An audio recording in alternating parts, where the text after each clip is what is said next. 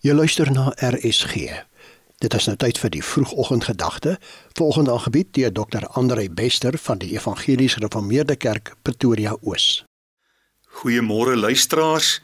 Ek wil weer soos gisteroggend begin met Kolossense 1 vers 3 en 4 en dan gaan ons net so entjie verder met die vers.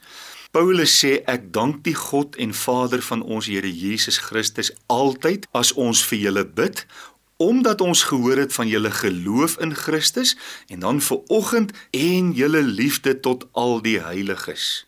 Dit is een van die mees uitstaande kenmerke van ons verlossing dat hy ons harte kom vul het met sy wonderbare liefde.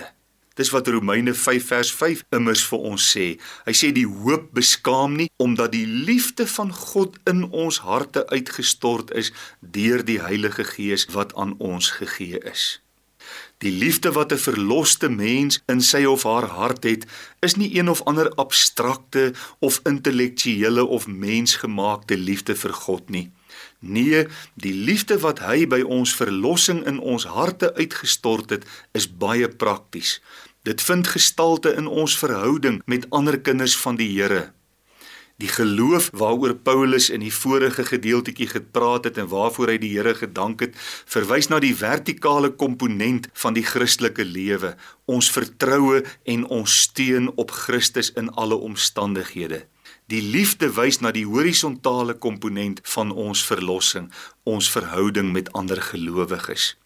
Bruce Barton skryf in die Life Application Bible Commentary en skets hy 'n paar scenario's. Hy sê in enige kerk vind jy die jong paartjie met die kind wat hard huil tydens gebed of die preek. Of jy kry die ouer persoon wie se gehuil die vorm aanneem van klagtes oor hoe die kerk se grasperk gesny word of hoe die blomme voor in die kerk gerangskik is. Nog erger sê hy, woon jy komiteevergaderings in die gemeente by, dan ontmoet jy soms volwassenes wat lesse kan gaan neem by die Bobbejane die dieretuin oor hoe om met mekaar oor die weg te kom. En dan vra Barton die vraag: Is dit nie onredelik van Jesus om van ons te verwag om al hierdie mense lief te hê nie? En die antwoord is nee, dis verseker nie onredelik nie. Dit kan gedoen word omdat God ons daartoe in staat stel, omdat sy liefde in ons harte uitgestort is. Dit is die verskil wat die verlossing van Jesus Christus in ons harte teweegbring. Kom ons sê vir die Here dankie daarvoor. Here baie dankie dat U ons in staat stel om mekaar lief te hê ten spyte van ons verskille, ten spyte van die feit dat ons mekaar soms verkeerd opvryf en selfs irriteer. Ons dankie vir die liefde wat ons in Christus ontvang het. Amen. Dit was dan die vroegoggendgedagte hier op RSG, aangebied deur Dr. Andrei Bester van die Evangelies Gereformeerde Kerk Pretoria Oos.